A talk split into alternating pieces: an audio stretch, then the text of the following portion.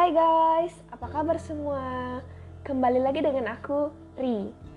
Hari ini, aku mau mereview bukunya James Rianto, sutradara dari film Ajari Aku Islam. Buku ini berjudul Hijrah Terindah. Amanda, seorang yatim piatu, hidup tanpa arahan. Ia kehilangan arah dan tak memiliki pegangan hidup. Ia terbawa arus kerasnya Jakarta. Amanda bahkan tidak percaya dengan agama. Kehidupan malam telah menjadi bagian dari hidupnya. Hingga suatu saat, sahabatnya Devi tewas tertabrak mobil saat mereka baru tiba di sebuah klub. Amanda menjadi tersangka sebab ia adalah orang terakhir yang berada dengan Devi. Akhirnya, ia dijebloskan ke dalam penjara. Walau sebenarnya itu memang bukan salahnya. Hingga akhirnya Iqbal, teman kos-kosannya, mengeluarkannya dari penjara. Iqbal memang lelaki yang setia mengingatkan Amanda kepada Islam. Namun Amanda tak kunjung tertarik dengan Islam. Setelah keluar dari penjara, Amanda sempat mencoba bunuh diri beberapa kali. Beruntung, Iqbal menolongnya. Amanda mendapat hidayah ketika ia mendengar azan subuh berkumandang. Saat mendengar azan, hatinya terasa begitu tentram. Oleh karena itu, ia pun memutuskan untuk hijrah. Ia mulai pindah kos-kosan, memulai menggunakan gamis, menggunakan kerudung, sholat lima waktu, dan juga rajin berpuasa.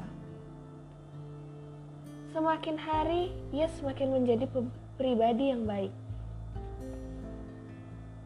Ia, Iqbal, dan sahabatnya yang ia temui di masjid Nafisha kini telah menjadi sahabat sejoli.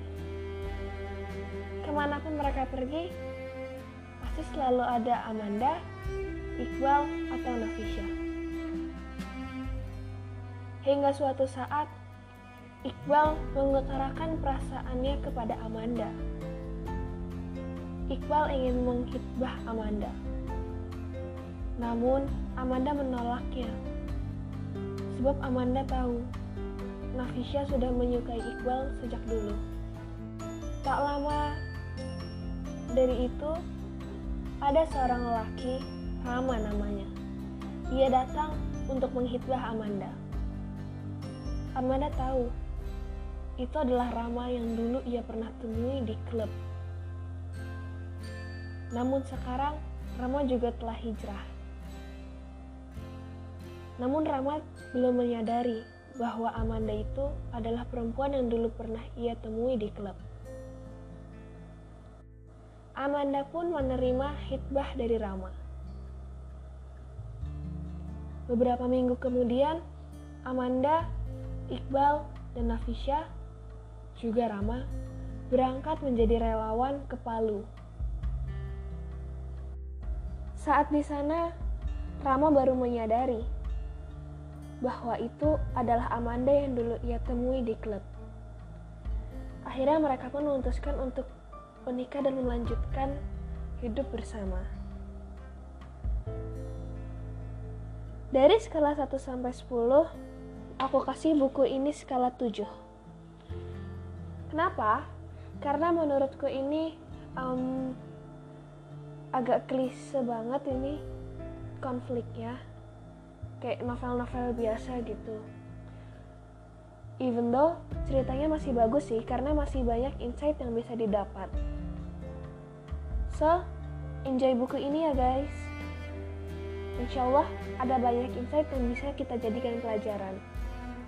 See you. Have a nice day. Bye bye